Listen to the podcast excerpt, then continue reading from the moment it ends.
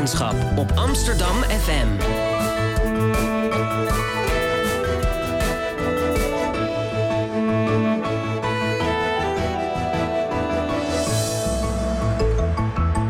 Radio Swammerdam.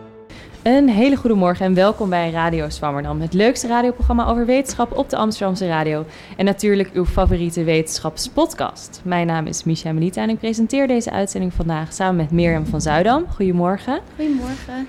Uh, vandaag presenteren we de eerste aflevering in een nieuw dossier. Vanaf de jaarwisseling hebben we een aantal nieuwe dossiers geïntroduceerd. En vandaag luistert u naar, luistert u naar de eerste aflevering in het dossier De Norm van Waarde. Uh, Mirjam, wat gaan we doen in het nieuwe dossier? Ja, we hebben eigenlijk uh, dit dossier bedacht omdat we het een keer hebben gehad samen over normen en waarden. En over dat dat eigenlijk maar een beetje vage termen zijn. En de bedoeling van dit dossier is eigenlijk om die termen wat concreter te maken. Uh, want zeker nu in verkiezingstijd hoor je natuurlijk heel vaak mensen spreken over normen en waarden. Maar wat zijn dat nou eigenlijk precies? Ja. Dus Daarom, daar gaan we het over hebben. Nodigen we mensen uit voor wie normen en waarden helemaal niet mysterieus zijn, hopen we. Ja. En um, waar we ook inderdaad aandacht bij de norm van waarde is bijvoorbeeld ja, waarde. Wanneer is iets, iets uh, waard? Wat is geld eigenlijk? Ja. En uh, wat is kunst? Waarom uh, betalen we 3 miljoen voor het ene schilderij en levert het ander nog geen stuiver op? Ja, wie bepaalt dat eigenlijk, wat iets waard is? Dat is onze fascinatie waar het dossier uit is voortgekomen. En vandaag trappen we af met twee gasten die allebei promoveren of gepromoveerd zijn in de psychologie aan de UvA. Allereerst aan tafel Mark Heerdink. Goedemorgen, welkom in de uitzending. Uh, hij is gepromoveerd in de sociale psychologie op een onderzoek naar het effect van emoties op groepsdynamiek en vooral op conformiteit. Uh, dat wordt allemaal straks helemaal duidelijk wat daarmee wordt bedoeld. En in je, in, in je onderzoek kijk je onder andere naar het effect van boosheid. Um, ben je zelf wel eens boos? Ik ben uh, heel zelden boos. Ja, um, en dat, uh, um, nou ja, ik ben gewoon niet zo'n haatdragend persoon. Maar ik denk wel dat het soms wel handig zou zijn om een klein beetje vaker boos te zijn. Want uh, dan zou ik misschien net iets meer gedaan krijgen dan nu. Oh ja, je kan dat misschien wat strategischer inzetten, je boosheid. Ja, ja, soms heeft het zin en soms heeft het niet zo gek veel zin om boos te worden. En uh, als je nooit boos wordt, dan heb je nooit de voordelen. Precies. Uh, naast jou zit Florian Wanders. Goedemorgen. Leuk dat je er ook bent. Um, jij bent nog bezig met promoveren op het effect van normoverschrijdend gedrag op percepties van macht. Zeg ik het dan goed? Ja. En uh, nou, daarover ga je straks uh, van alles vertellen. Maar eerst de vraag aan jou. Uh, was jij vroeger op de middelbare school een populaire leerling? ja, uh, ik was uh, meestal wel aardig. Dus ik denk, ik was meer een doorsnee scholier dan een echt populaire scholier. Niet per se bij het populaire groepje, maar ook niet uh, bij de underdogs, zeg maar. Precies, ja. ja, ja. Nou, straks uh, zal uh, worden uitgewezen waarom die vraag relevant is. Um, en straks in het midden van onze uitzending hoort u ook een column van onze vaste columnist Heidi Dorudi. Goedemorgen. jouw column gaat over woede. Ja, het gaat over de relatie tussen woede en kritiek. De relatie tussen woede en kritiek. Ja, en dat is dat is wat, het enige wat ik nu nog even verklaar. Oké, okay, dus het blijft spannend. Ja. um, we spreken eerst vandaag met uh, Florian Wanders. Zoals gezegd is hij bezig te promoveren in de organisatiepsychologie op zijn onderzoek naar de effecten van verschillende typen normoverschrijdend gedrag op percepties van macht. Een hele mond vol. En om zijn onderzoek een beetje in te leiden, luisteren we naar een fragment uit de satirische serie Toren C. Uh, waarin het gaat over normen en waarden op kantoor en wat er gebeurt als je je daar niet aan houdt.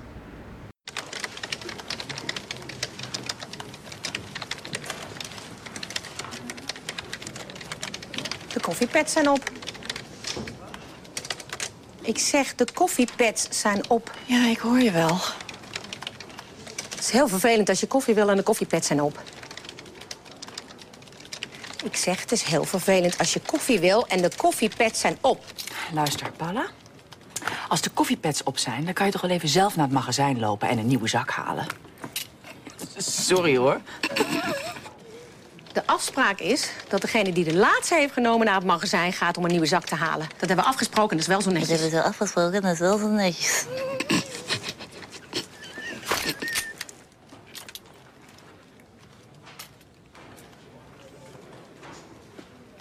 Jij hebt koffie? Paula, ik... Eh, Wie is heet. Als jij hete koffie hebt, kan dat maar één ding betekenen. Denk niet bij het laatste vel wie na mij komt. Die redt het wel. Dat is toch bij wc-papier?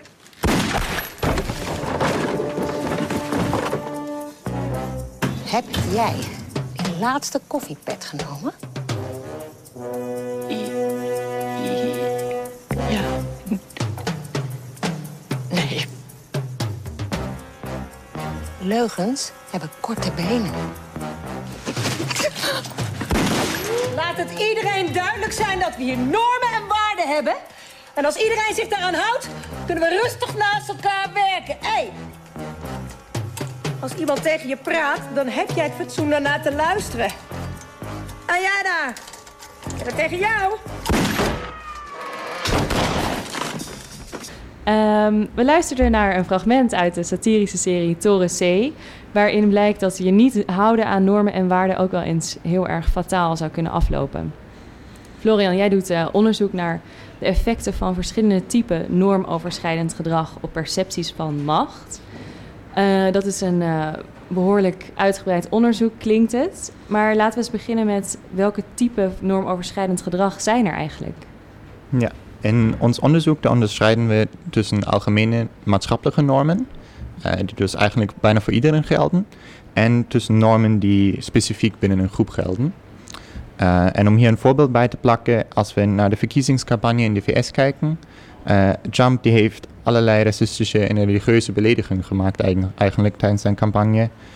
Over Mexicanen, over Latino's, mensen met donkere huidskleur, moslimen, joden. En de lijst die gaat alleen maar zo voort. Um, maar er was maar één moment waar een hele reeks van de Republikeinen afstand hebben genomen van Trump. En dat was pas toen hij een uh, seksistische uitspraak over uh, witte vrouwen deed. Uh, dus zijn, dat video wat lekte toen hij in een, het over had dat je vrouwen maar zo... ja, dat je can grab them by the pussy. Ja, de fameuze uitgelekte uitspraak die hij deed in een bus Precies. Wel een aantal jaar geleden al. Ja, ja, ja. Dus dat lekte toen uit. En wat we toen zagen is dat dat toch heel erg tegen de kernwaardes van heel veel republikeinen ging. Want um, in, in zicht van veel republikeinen zijn vrouwen iets wat moet worden beschermd. Uh, en als je zo over een nogal witte vrouw praat, dan schijnt je toch ook normen van je eigen achterbaan. En toen ging het ineens bergafwaarts met zijn ja. campagne. Nou, niet heel erg. En je zou ook kunnen, misschien heeft het hem nog meer macht gegeven omdat hij dominant lijkt. Maar dat was in principe een van de weinige momenten waar toch meerdere republikeinen openbaar afstand namen van hem. Ja, want toen zag je ineens inderdaad dat mensen zeiden van... ik heb zelf dochters en uh, dit kan Ja. ik echt niet accepteren... dat iemand zo over vrouwen praat. Precies, ja. Uh, en jij zegt dus eigenlijk er is een verschil tussen of je uh, dus de waarden van die republikeinen schendt...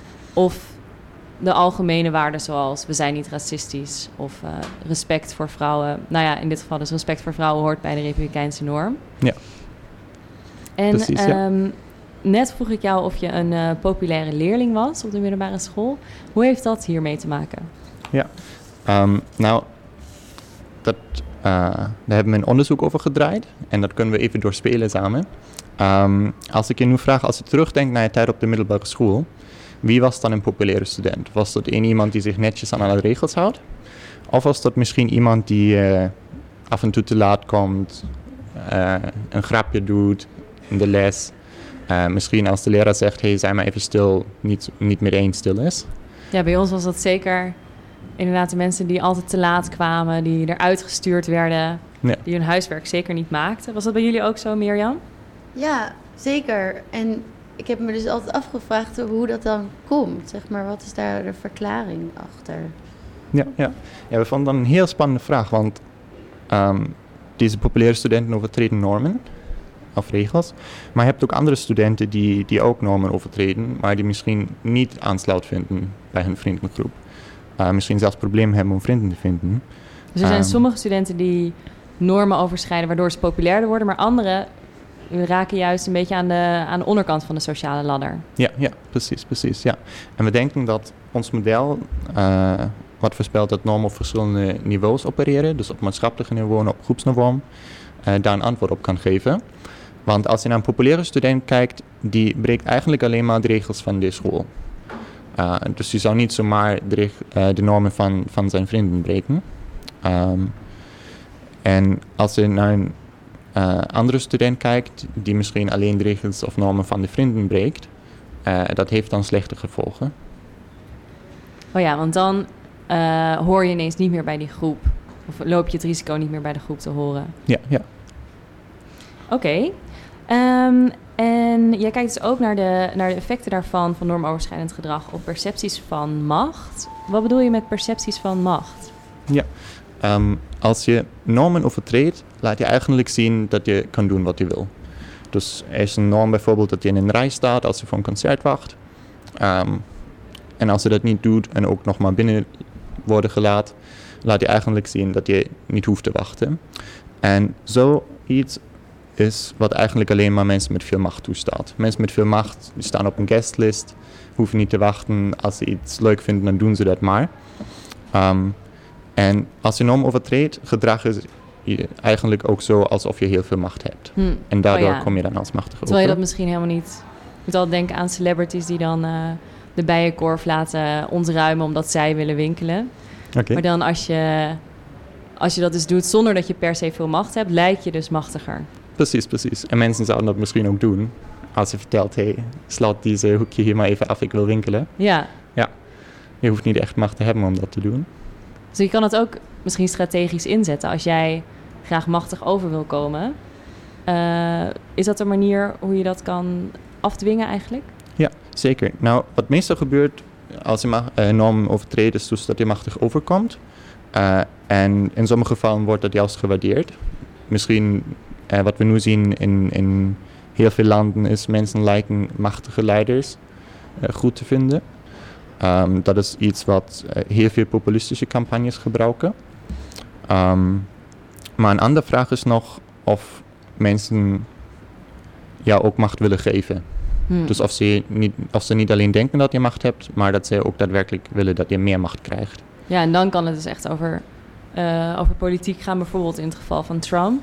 Dat je Ja. toch zag na Grab him by the pussy dat zijn, uh, zijn achterban ook zei van... nou, dit vinden we eigenlijk uh, niet echt een goed idee. Ja. Maar uiteindelijk werd hij wel verkozen. Precies, precies. Ja.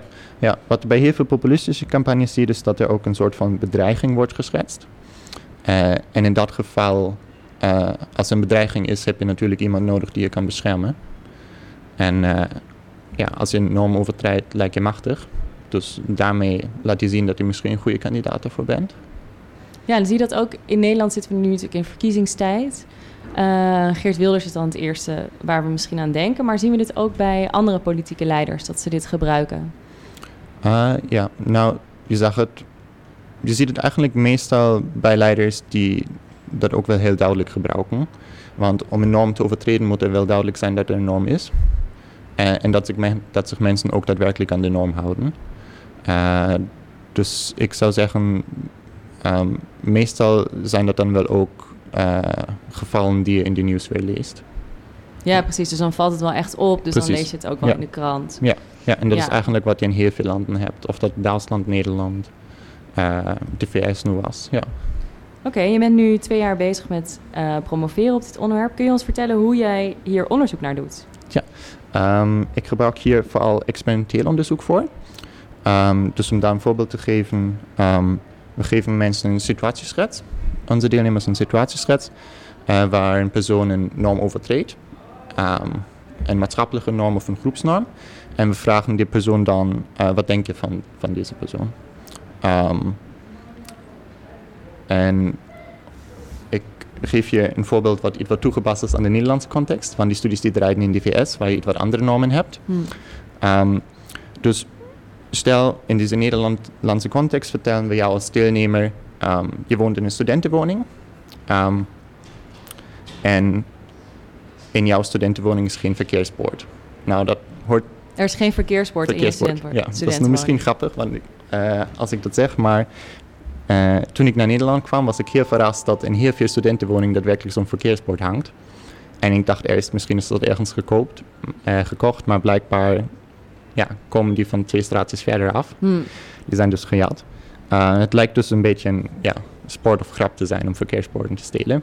Dat was voor jou ook echt een nieuw fenomeen. Jij zat zo, hè, wat doen al die verkeersborden hier? Ja, Ik ja. ken het niet hoor, dit fenomeen. Ja? Nee, ja, ik zie het wel eens in studentenhuis inderdaad. Oké. Ja. Ehm, dus ja, stel in dat onderzoek, stel je weet dat dat wel ook een sport is of zo van mensen. Ehm, maar je woont in een studentenwoning en daar hangt geen verkeersbord. Eh, en ik hoorde al, misschien vind je het grappig als hier toch een verkeersbord hangt. Eh, dus op een avond komt eh, een medebewoner, noemen we hem maar Afke, naar huis met zo'n verkeersbord onder haar arm. En de vraag aan de deelnemers is dan, wat denk je van Afke? En wat we hopen dat de deelnemers dan denken is, nou, ehm Afke heeft dus zomaar een verkeersbord meegenomen. Ehm, ze doet dus wat ze wil. Ze heeft een verkeersbord bes- gezien, besloten, oh, dat zou goed, goed uitzien in onze woonkamer, dat neem ik maar mee. Eh, en dat is wat wij dan eh, macht noemen. Ze kan doen en laten wat ze wil. Ehm, maar misschien voelt een deelnemer ook eh, respect of bewondering. Want het zou zomaar kunnen dat een ambtenaar Afke op weg naar huis vraagt... blijf maar even staan, je hebt een verkeersbord in je Ja, hand. wat doe je met dat verkeersbord? Wat doe je met dat bord? Ja. Ehm, dus er riskeert ook iets om, om dat verkeersbord in, in, in jouw woonkamer te brengen. En een heel belangrijke vraag die we dan aan het einde stellen is... ehm stel er zijn verkiezingen, en nu voor een eh, studentenvereniging. Eh, Af- Afke is ook kandidaat. Zou je denken dat Afke een goede kandidaat is voor deze verkiezingen? En wat wij dan denken, omdat Afke maatschappelijke normen schendt... dus risico's loopt, misschien Hmm. door zo'n ambtenaar worden, eh, te worden gestopt... eh, maar zich ook aan groepsnormen houdt. Dus je vindt het wel grappig als zo'n verkeersbord in jouw kamer komt te hangen. Dat je dan wel geneigd bent om te zeggen: Ja, ik, vind, ik ben van mening dat Afke een goede kandidaat is. Dus dan niet eens, niet alleen komt ze machtig over, want ze overschrijdt dus een maatschappelijke norm. Of ze Mhm. Ja. kan dus doen wat ze wil eigenlijk. Ja. Eh, maar ook vinden we haar, of mag ze van ons macht hebben, of van de deelnemers. Precies, ja. ja. Dat is een, Omdat ze moedig is eigenlijk. Ja. Ja. ja. En ze laat ook zien dat ze deze moeder misschien niet misbruikt. Want je kan ook een andere situatie hebben. Stel, je bent er wel blij mee dat er geen verkeersbord in jouw kamer hangt. Want het ziet misschien verschrikkelijk uit en het voelt ook niet gemakkelijk als zo'n gestolen ding in jouw kamer hangt. Stel, Afke komt nu weer met zo'n gestolen bord naar huis, dan zou je wel zeggen, ehm, ja leuk, maar ik wil het echt niet hebben. Ja, En deze situatie heeft ma- eh, Afke dan de maatschappelijke norm geschonden, door het verkeersbord mee te nemen, maar ook de groepsnorm. Eh, waar ze- iedereen weer mee eens was dat een verkeersbord niet in een woonkamer hoort. Ja, en dat waren nu twee situatieschetsen. En je kan er in totaal vier van maken. Dat gebruiken we in, ons eh, in onze experimenten, want we variëren dan op de maatschappelijke norm wordt geschonden. ehm, eh, of de groepsnorm wordt geschonden. ja. En de groepsnorm wordt geschonden, ehm, of, of juist niet. Dat hangt van af of eh, mensen in de studentenwoning zo'n verkeersbord leuk vinden, ja. of juist vervelend. Ehm, dus dat hebben we al gezien in die twee scenario's. Ehm, en of de maatschappelijke norm wordt geschonden, eh, dat manipuleren we zo dat in dat ene geval steelt Afke dat verkeersbord, zoals we nu hebben gehoord. Ehm, maar ik ben vast zeker van overtuigd dat je een verkeersbord ook online kan kopen. Mhm. Dus stel Afke koopt een verkeersbord online, dan schendt ze dus de maatschappelijke norm niet.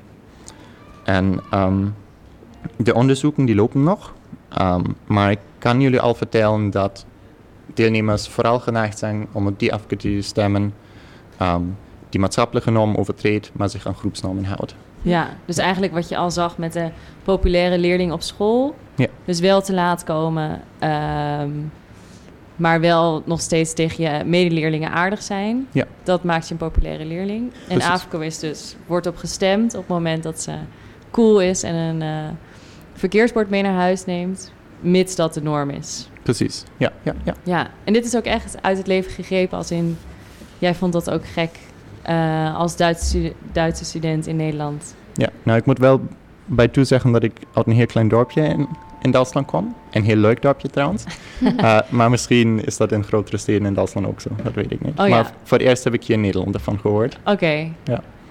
Oh ja, misschien dat in Berlijn dat het ook wel een ding is. Het is ook een soort eh, trofee of zo, toch? Je, eigenlijk laat je inderdaad zien van... Het maakt ons niks uit dat de politie... Misschien Ja. dat niet mag van de politie, maar wij Precies. hebben het gewoon. Beetje rebellenachtig. Ja. Ja.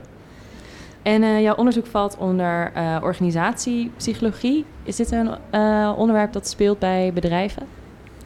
Eh, nou, als we uit dat kleine excerpt van de toren hebben gezien, normen spelen op het, eh, in het bedrijfsleven ook wel een belangrijke norm, eh, belangrijke belangrijke rol, wil ik Mhm. zeggen. Ehm, en we gebruiken deze termen maatschappelijke norm en groepsnorm alleen eigenlijk om aan te kaarten, om aan te geven eh, dat normen op verschillende niveaus opereren. Ehm, maar net zoals groepen onderdeel uitmaken van een maatschappij, heb je ook dat een team in een kantoor bijvoorbeeld onderdeel uitmaakt van een afdeling. En een afdeling dan weer om onderdeel uitmaakt van een hoofdkantoor. En dan heb je misschien meerdere hoofdkantoren in verschillende landen. Eh, dus daar heb je ook zeker veel ruimte om normen op verschillende niveaus te overtreden. Ja, er zijn eigenlijk heel veel verschillende eh, niveaus van normen. Het lijkt een heel eh, gelaagd geheel. Hm. Maar als, als een dagelijks mens, hoeveel eh, niveaus van normen zijn er, denk je, in een normaal mensenleven? Ja, ik, ik denk dat het meestal wel met twee te doen is. Eh, dus stel, het is, eh, het is vrijdag, ehm, je bent bijna klaar met werken, eh, maar je moet nog tot een uurtje of vijf doorwerken van, van je bedrijf. En dan zegt de teamleider, ehm, je mag vroeger naar huis, al om vier uur, het gehele team. Ehm, dan is de norm binnen jouw team wel zo, oké, we gaan vroeger naar huis. We zijn er ook allemaal mee eens, dat is prima. Maar je schendt wel de norm van het bedrijf dan. Ja. Ja. En de niet-coole collega blijft dan misschien alsnog tot vijf uur. alsnog doorwerken. Ja, die zich Ja. dan juist aan de maatschappelijke norm houdt, maar de groepsnorm dat schendt. Maar dan is het dus wel van belang dat je dus weet wat de norm is. Zowel binnen het team als die van het bedrijf, binnen de groep als die van de maatschappij. Want als je je niet aan de norm houdt omdat je hem gewoon niet kent, Hmm. heeft denk ik een heel ander effect. Ja, ja, ja, daar heeft een, eh, een ander onderzoeksteam onderzoek naar gedaan. Eh, dat was een heel leuk onderzoek. Ehm, een, experiment van hun dat ging als volgt. Er is een, black tie event, dus iedereen is heel formaal gekleed.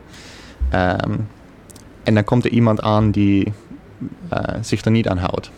Dus een heel kleurachtige boottie heeft. Ehm, en ze hebben dan ook gevarieerd of dat bewust was. Dus die persoon die wist van dat event, wist dat de formale kleding was verwacht. Of eh, dat was juist niet het geval. En wat je dan ziet als je ehm,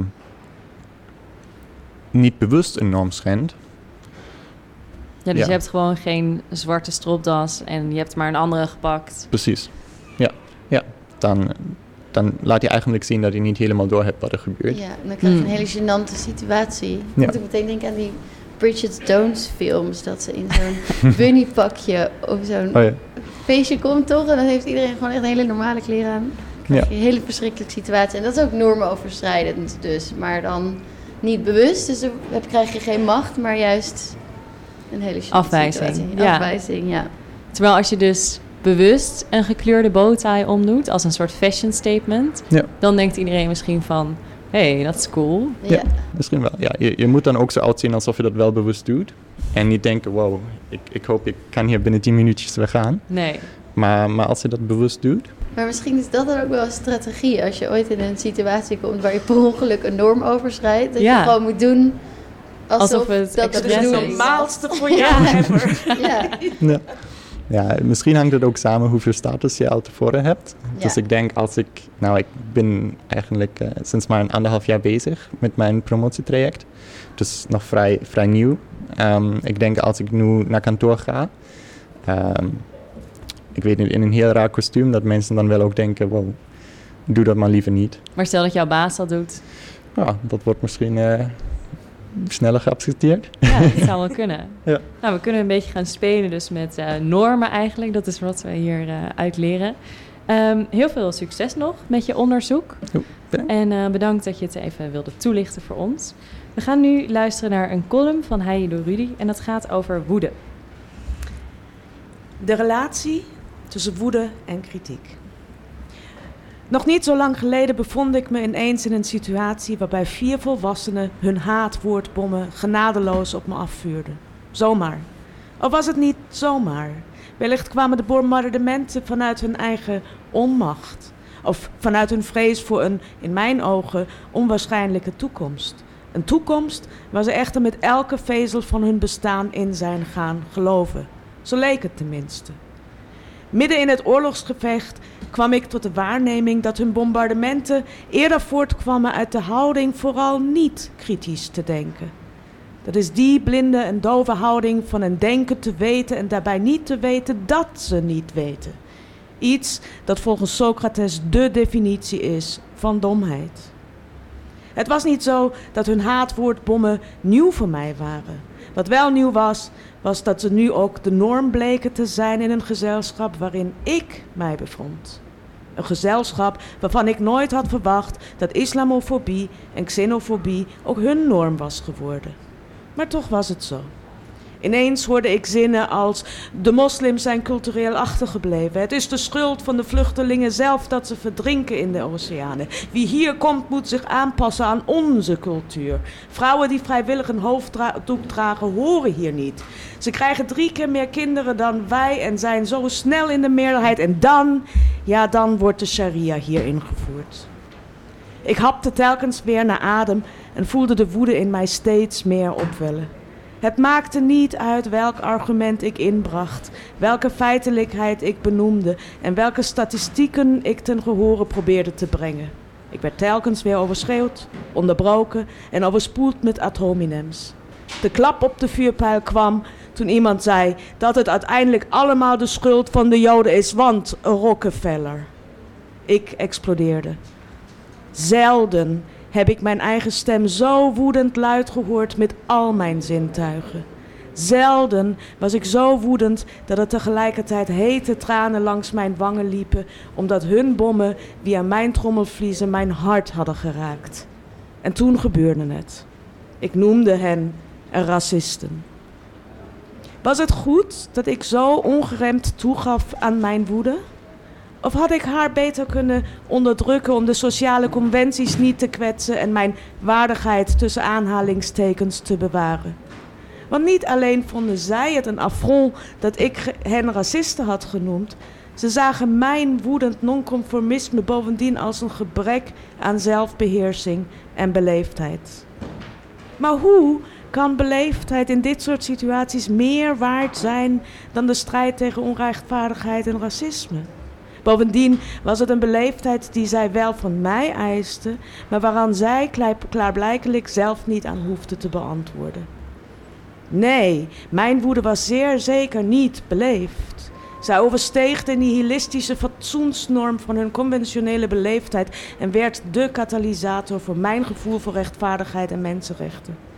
En voor mij is dit perspectief van sociale rechtvaardigheid de enige waardigheid die telt. Niet de schijnwaardigheid van een conformisme dat als een façade van fatsoen kan worden misbruikt. Een façade waarachter de internationale rechten van de mens mogen worden geschonden door de haat die racisme heet.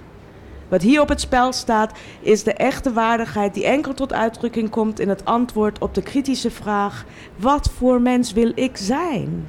Niet eenmalig, maar telkens weer en telkens opnieuw. Ik kwam naar huis en zocht rust in Audre Lorde's keynote-presentatie uit 1981. Daar spreekt ze over de relatie tussen woede en kritiek. Woede is haar antwoord op racisme, omdat woede de grondstructuur is van mensen die onderworpen zijn aan onderdrukking en uitbuiting. Daarbij heeft woede een dubbele relatie tot de overheersing. Woede ontstaat enerzijds als een reactie op de onderdrukking en tegelijkertijd bevat woede de mogelijkheid tegenstand te bieden. Een nauwkeurig gerichte woede is namelijk een krachtige energiebron ten behoeve van progressie en verandering. Woede die vertaald en uitgedrukt wordt in handelingen die in dienst staan van onze visie en onze toekomst, zo zegt Lord, is een bevrijdende en versterkende daad van opheldering. Het is immers in het moeizame proces van deze vertaalslag dat we überhaupt vast kunnen stellen wie onze bondgenoten zijn en wie onze onvervalste vijanden. Veel waarheid ligt voor mij verborgen in haar uitspraak. Ik citeer: Anger is loaded with information and energy. En wanneer we bereid zijn naar woede te luisteren, dan is het dat het begin van inzicht. Belangrijk is dat woede niet hetzelfde is als haat. Haat is volgens haar datgene dat zich schuilhoudt uh, in de straten en erop uh, loert ons te vernietigen zodra we waarlijke verandering nastreven, in plaats van ons slechts bezig te houden met academische retoriek. Ze zegt: Als ik in woede tot jullie spreek, dan heb ik tenminste met jullie gesproken. Ik heb geen pistool tegen jullie hoofden gehouden en jullie niet neergeschoten in de straten. Dit betekent dus dat haat het pistool is tegen het hoofd en zodoende het doordrijven van doelen door middel van bruut geweld. Haat doelt uiteindelijk altijd op het vernietigen van de ander.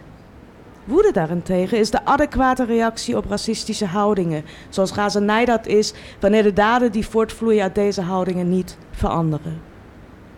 Graag sluit ik nu af met twee citaten van Lord. My anger is no excuse for not dealing with your blindness, no reason to withdraw from the results of your own action. What you hear in my voice is fury, not suffering, anger, not moral authority. There is a difference. Dankjewel Heidi voor deze column uit het uh, leven gegrepen. Ja. Zelf dus ervaring met uh, het overschrijden van uh, de norm in een Ja. kleine groep. Florian, hoe luister jij naar deze column? Ja, wauw. Ik vond deze column ontzettend goed geschreven. Hè? En ook eh, ja, ontzettend relevant in deze tijd nu. Ehm, wat ik daar zie is, ehm, normen werden heel eigenlijk meestal door de meerderheid bepaald. Want een norm bestaat alleen als er consensus is. En consensus, consensus wordt makkelijker bereikt ehm, als een meerderheid mee eens is dat een norm bestaat.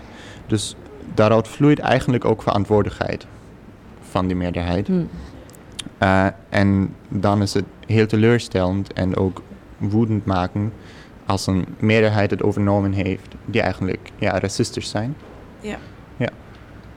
Ja, Mark, jij doet ook, eh, Mark Heerdink eh, hier aan tafel, jij doet ook eh, onderzoek naar boosheid in relatie tot conformisme. Wat we hoorden van Heidi is dat zij zich dus niet conformeert, hoewel haar eh, tafelgenoten eh, allemaal erg boos werden. Eh, wat haal jij uit deze column? Ehm, nou, allereerst wil ik me aansluiten bij Florian. Ik vind het een, eh, het is een krachtige column, echt eh, en relevant in deze tijd. Want dit zijn natuurlijk issues waar, waar, waar we het allemaal regelmatig over hebben. En eh, waar je soms tegen verschillen van inzicht aanloopt. En ehm, ja, luister ik ernaar? Ik, ik, haal er, ik haal er een heleboel dingen uit, eigenlijk uit column, die allemaal relateren aan mijn, mijn onderzoek. Eén ding dat, dat mij bijzonder opvalt, is de rol die woede steeds speelt eh, in heel veel eh, verschillende gedaantes eigenlijk. Dus de, de, de boosheid die eh, op Heidi gericht wordt vanuit andere mensen in een poging om haar eh, ehm, nou ja, toch zich aan te laten passen eigenlijk. Hè? Om te zorgen Ja. dat, dat, dat jullie weer met z'n allen tot, tot één mening komen. En dat moet dan wel de meerderheidsmening zijn. Anderzijds ook de, de, de, de woede die bij Heidi zelf opkomt. Eh, en die haar ook de motivatie, de kracht en energie geeft om nou ja, eerst te proberen om met argumenten eh, ehm, de anderen te overtuigen. Maar tegelijkertijd ook dat ze het gevoel heeft dat nou, deze mensen met wie ze verwacht het eens te zijn. Want dat is nou maar zo, als we in een groep zitten, dan verwachten we al heel snel dat, dat andere mensen het met ons eens zijn. En er tegenaan lopend dat dat niet zo is, op zoiets fundamenteels, op zo'n fundamentele waarde. Ehm, en dat de boosheid die bij haarzelf opkomt ook het moment is dat ze gaat twijfelen aan, oké, wie ben ik nu? Eh, en wat is de keuze die ik moet maken? Moet ik mijn, mijzelf verloochenen om bij deze groep te horen? Of moet ik mijn eigen plan trekken, mijn eigen waarde trekken en me daardoor ook distancieren van deze mensen? Dus iets wat ook terugkomt in de column, wat, dat viel me op, dat is eh, misschien eh, bewust of misschien niet zo bewust gedaan, is dat de, ehm, het, het- de column begint met een wat meer een wij-insteek en eindigt met een ik-zij-insteek. Dus dat impliceert al een bepaalde verwijdering als gevolg van nou, enerzijds de woede van de ander en ook de woede die uiteindelijk bij die zelf opkomt. Dus ik vind het een heel interessant iets dat heel goed illustreert waar ik, waar ik onderzoek Waar jij mee bezig bent. Ja, want jij doet onderzoek dus naar boosheid. Ik stel me dat voor als een iets lichtere vorm eh, van woede. En het gaat dan eigenlijk over hoe mensen vervolgens omgaan met als andere mensen boos op hem worden. En wat doen mensen als er iemand boos op hem wordt? Ehm, nou, het is moeilijk om te zeggen, om, om, daar één eenduidig antwoord op te geven. Want eh, zoals met heel veel eh, sociaal gedrag hangt het af van allerlei andere factoren wat mensen doen. Ehm, wat eigenlijk uit mijn onderzoek blijkt is dat, dat eh, het gedrag van mensen die de, ontvanger zijn zeg maar, van boosheid, dus die geconfronteerd worden met boze andere mensen, ehm, dat, die eigenlijk, dat, er, dat er eigenlijk twee verschillende behoeftes of twee verschillende motivaties opkomen bij die mensen. Dus enerzijds ehm, worden ze zelf boos. En hebben ze ook de neiging om te zeggen van oké, eh, jij wordt boos, ik word boos, ik zet mijn hak in het zand en ik ga, eh, en ik ga achter mijn mening staan en ik ga de confrontatie aan. En eh, ik ga misschien nog wel iets sterker opkomen voor mijn eigen mening. Maar anderzijds ehm, realiseren mensen die geconfronteerd worden met boosheid zich ook dat op het moment dat ze dat doen, ehm, dat ze waarschijnlijk uit het groepje gezet gaan worden. Dus dat ze hun groepslidmaatschap op het spel zetten door hun eigen individuele mening door te drijven. En het is de spanning zeg maar, tussen deze twee dingen. Dus enerzijds, ik wil eh, bij mijn mening blijven, ik wil, eh, ik wil mijn, bij mijn eigen, eh, bij mezelf blijven als individu. En anderzijds, ik wil ook bij die groep blijven horen. Die spanning daartussen, die is heel bepalend voor wat, wat mensen doen. En, er zijn dus, en waar dat dan van afhangt, welke van die twee gekozen wordt, dat hangt af bijvoorbeeld van de, de waarde die gehecht wordt aan het groepslidmaatschap. Ehm, op het moment dat als dat een groep is waar we niet zonder kunnen, bijvoorbeeld familie, uh, dan is de neiging om je aan te passen is, en de motivatie om je aan te passen is veel sterker dan wanneer dat gewoon losse willekeurige mensen van de straat zijn, die ook heel makkelijk inwisselbaar zijn. En uh, iets anders dat een grote rol speelt is de mate waarin je denkt dat als je je aanpast, dat je dan ook daadwerkelijk weer geaccepteerd gaat worden. Oh ja, dus dat je hoe erg je kans hebt om nog bij de groep te horen als je je mening aanpast. Ja, ja want het, heeft, eh, het is eigenlijk je moet, het, in feite is het je aanpassen is, is een soort van uh, eieren voor je geld kiezen. En uh, dat doe je alleen maar als dat zin heeft. Als je ook iets hebt aan die, aan die eieren eigenlijk. Ja, als je iets hebt aan Als je nog pannenkoeken wilde bakken. Ja, precies. En, want als je, uh, um, als je, als je gewoon later thuis zit in je, in je, in je, in je slaapkamer... en nog eens terugdenkt aan die conversatie en denkt van... oké, okay, vooruit, ik ben het er toch mee eens. Daar heb je niks aan daar krijg je geen acceptatie meer terug. Dus je moet ook in, de, in staat zijn, in de gelegenheid zijn om je aangepaste mening weer te uiten tegen die mensen. En zij moeten daarop waarschijnlijk ook gaan reageren met acceptatie. Anders heeft het geen zin. Ja, zodat je weer erbij kunt horen. Ja. Uh, we gaan het zo meteen nog verder hebben inderdaad over jouw onderzoek. En een belangrijk uh, concept in jouw onderzoek, je had het er net al even over, is de need to belong. Dus we willen gewoon graag uh, dat mensen ons aardig vinden, we willen graag bij de groep horen. En dat kan er soms voor zorgen dat we uh, onze mening aanpassen, maar het kan er ook soms voor zorgen dat we meegaan met een verhaal dat niet helemaal waar is. En we luisteren nu naar een fragment waarin Lex Uiting uh, BN'ers uh, een vraag stelt over een niet bestaand onderwerp en dan kijkt of ze met hem meepraten. Gaat hij mee? Gaat hij mee? Gaat hij mee? Gaat hij mee? Gaat hij mee of hij nee? Hallo, hallo. Ik ben Lex en dit is hem dan, de eerste vlog. Ik weet niet waar ik aan begin, maar dat zullen we de komende weken, maanden, jaren, eeuwen wel een beetje uitgaan en zoeken met elkaar. Elke dinsdag om 16 uur, 4 uur middags dus, uh, vind je hier een nieuwe editie van het spelletje Gaat hij mee of zegt hij nee? Eigenlijk is het heel simpel.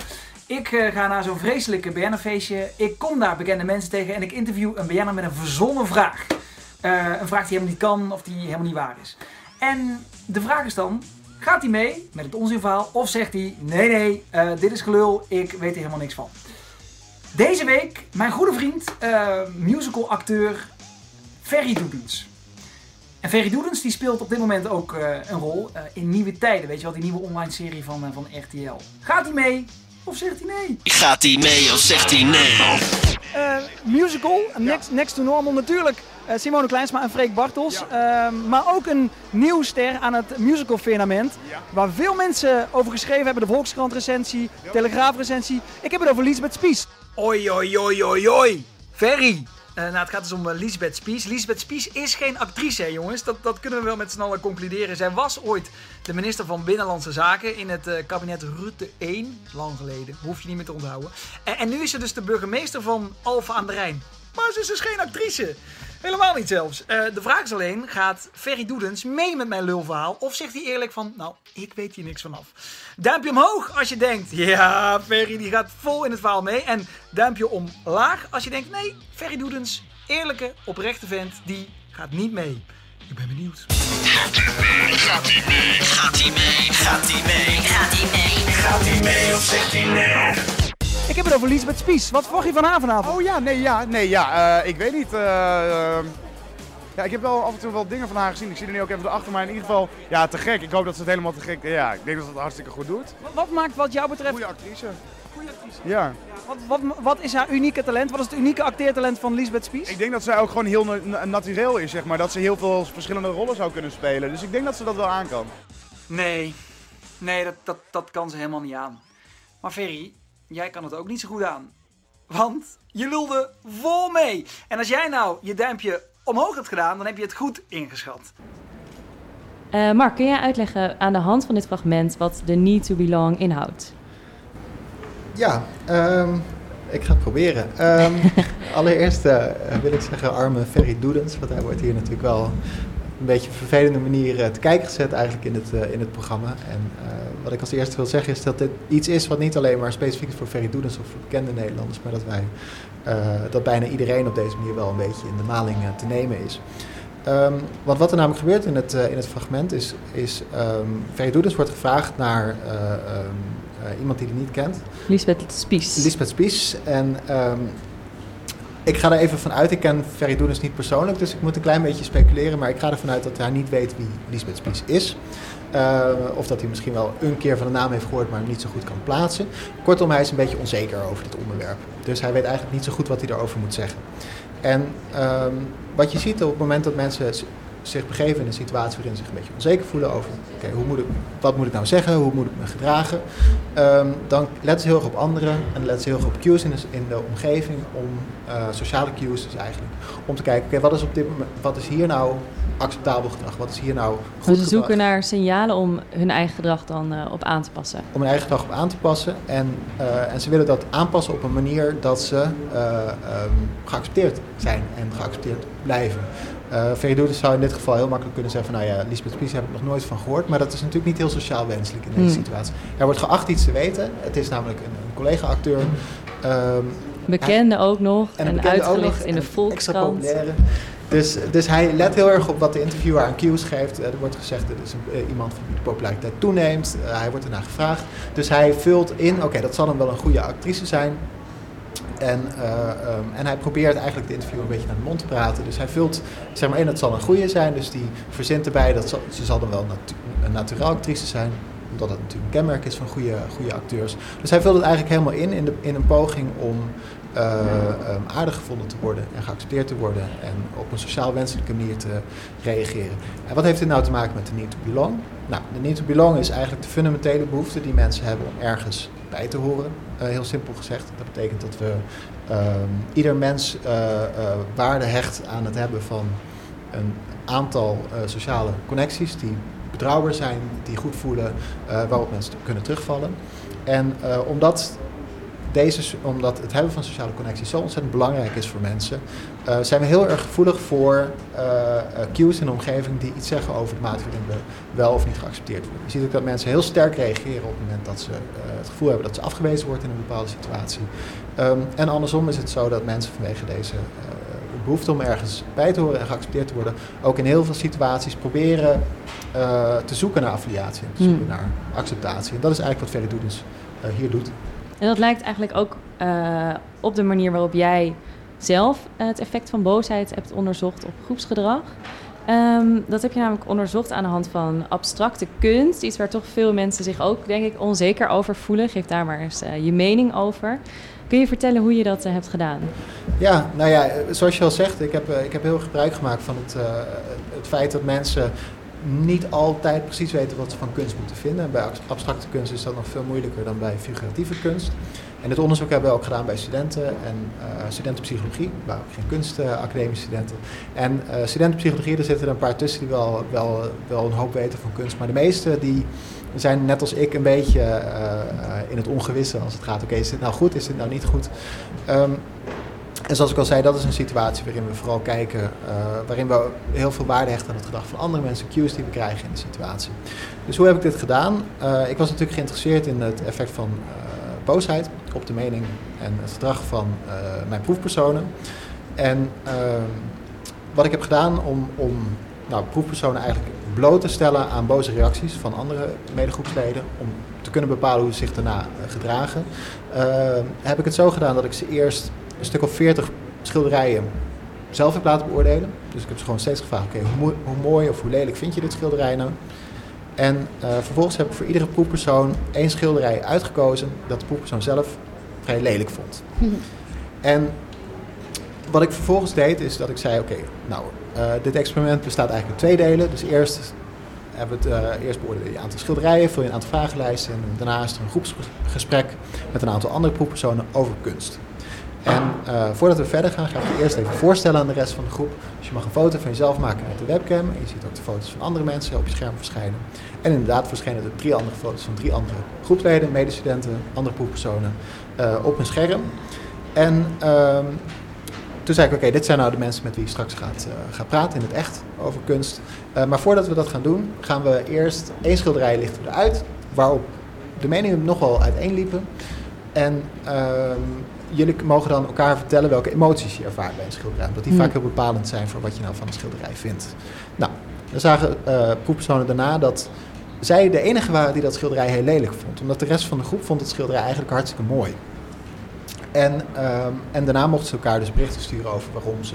Wat ze daarbij voelden. Wat ze daarbij voelden. En eh, met het idee dat dat misschien een verklaring was voor de mening die ze hadden. Maar wat die andere proefpersonen deden, en dat waren eigenlijk helemaal geen echt bestaande proefpersonen, maar dat waren proefpersonen die ik zelf gesimuleerd had.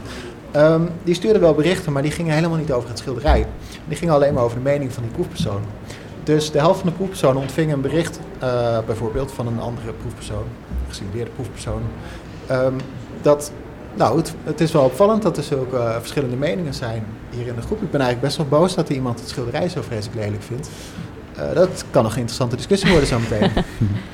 en de andere helft van de proefpersonen ontving exact hetzelfde bericht, alleen nu was die andere proefpersoon blij met die afwijkende mening. Dat Oh ja. natuurlijk ook.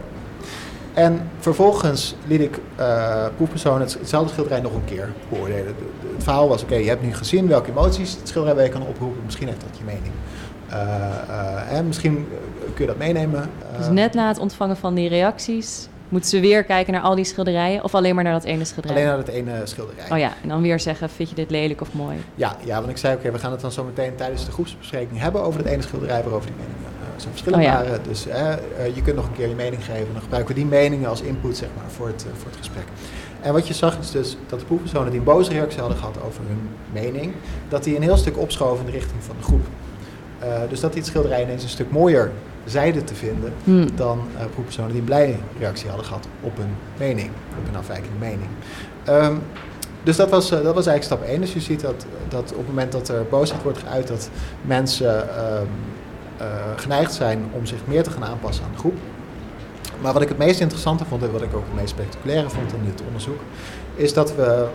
ehm, er was uiteindelijk helemaal geen groepsbespreking, want die hadden we zogenaamd gecanceld. Eh, omdat bleek dat het niet zoveel informatie opleverde en dat het allemaal gedoe was met het regelen van ruimtes. En in plaats daarvan zeiden we tegen de proefpersoon, nou weet je wat, als we nog vragen hebben naar aanleiding van het onderzoek, dan misschien word je dan over een paar weken nog even gemaild met een vragenlijst, een aanvullende vragenlijst om nog een paar dingetjes te achterhalen. Dus inderdaad, drie weken later sturen we dus een mailtje. Oké, er zijn inderdaad bepaalde vragen die we nog hebben naar aanleiding van het onderzoek. Zou je misschien online nog een vragenlijst willen invullen? Nou, dat deden proefpersonen. Eh, en het was een vragenlijst vol met allemaal flauwekulvragen die nergens over gingen. Maar er was één cruciale vraag die erin zat. En dat was namelijk, we vroegen ze om nog een keer dat, datzelfde schilderij nog een keer te beoordelen. Dus dat schilderij waar ze een afwijkende mening over hadden gehad, waar ze een boze of een blij reactie over hadden gehad.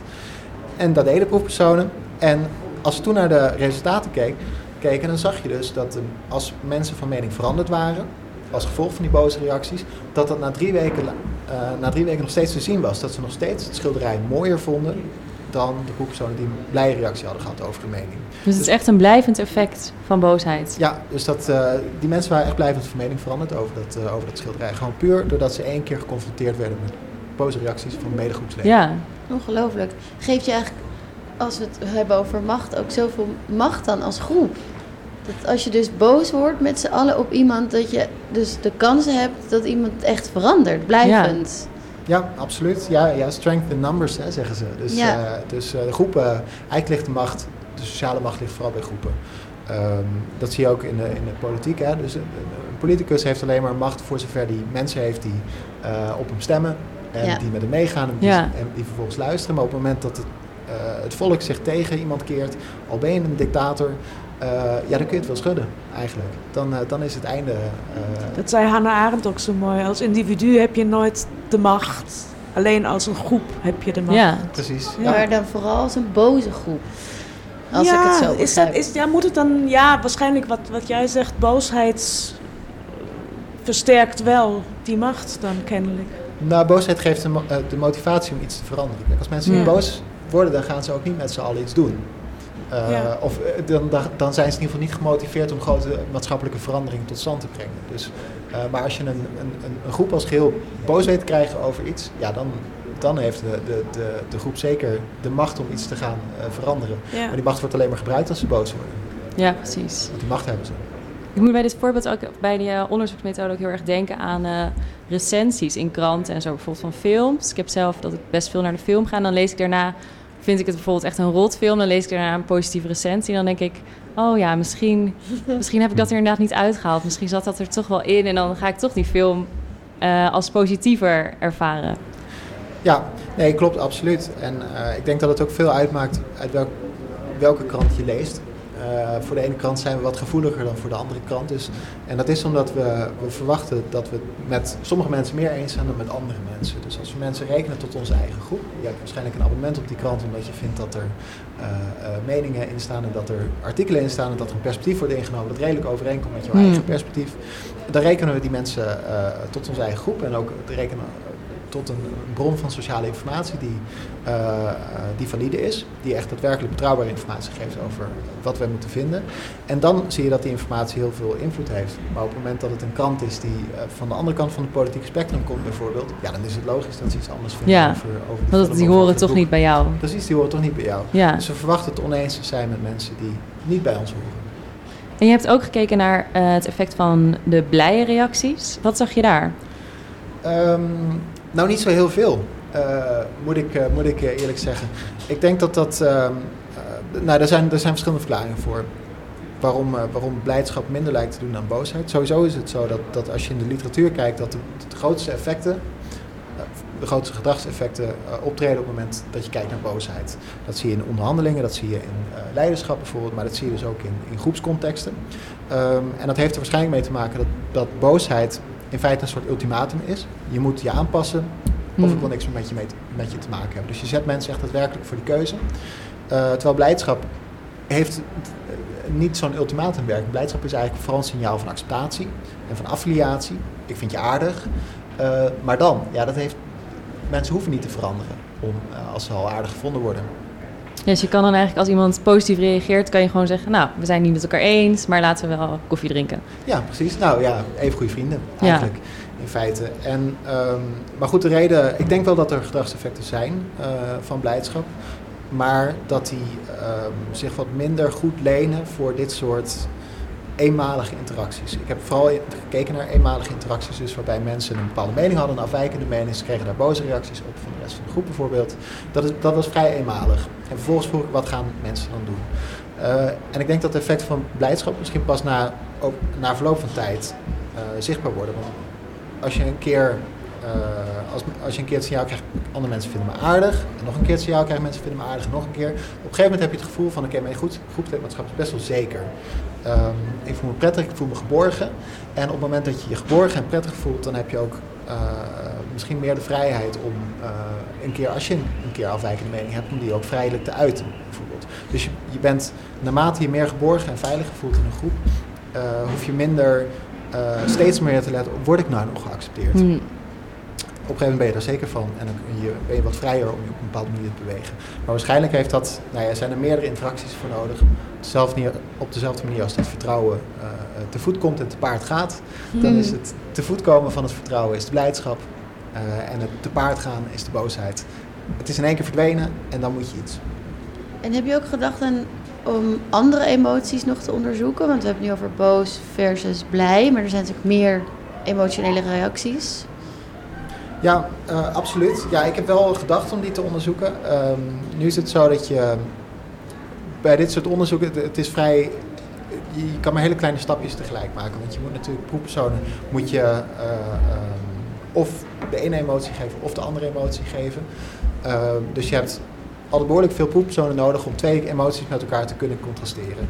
En uh, door steeds verschillende emoties te doen heb je, nou ja, heb je ontzettend veel studies nodig. Ja. En je moet natuurlijk mm. haalbaar blijven. Dus ik heb me vooral geconcentreerd op boos, boosheid en blijdschap. Juist omdat over boosheid al, al, het een en ander bekend was. Dus dat sloot mooi aan bij wat er bekend was. En blijdschap was ook al het een en ander over bekend. Dus daar kon ik mooi die twee contrasteren. Ja. Maar er zijn zeker andere emoties die, uh, die relevant zijn. Ik heb uh, één keer ke- gekeken naar teleurstelling. Ja. Dan zie je dat uh, teleurstelling veel minder eh, eh, veel minder sociale invloed heeft eigenlijk dan boosheid.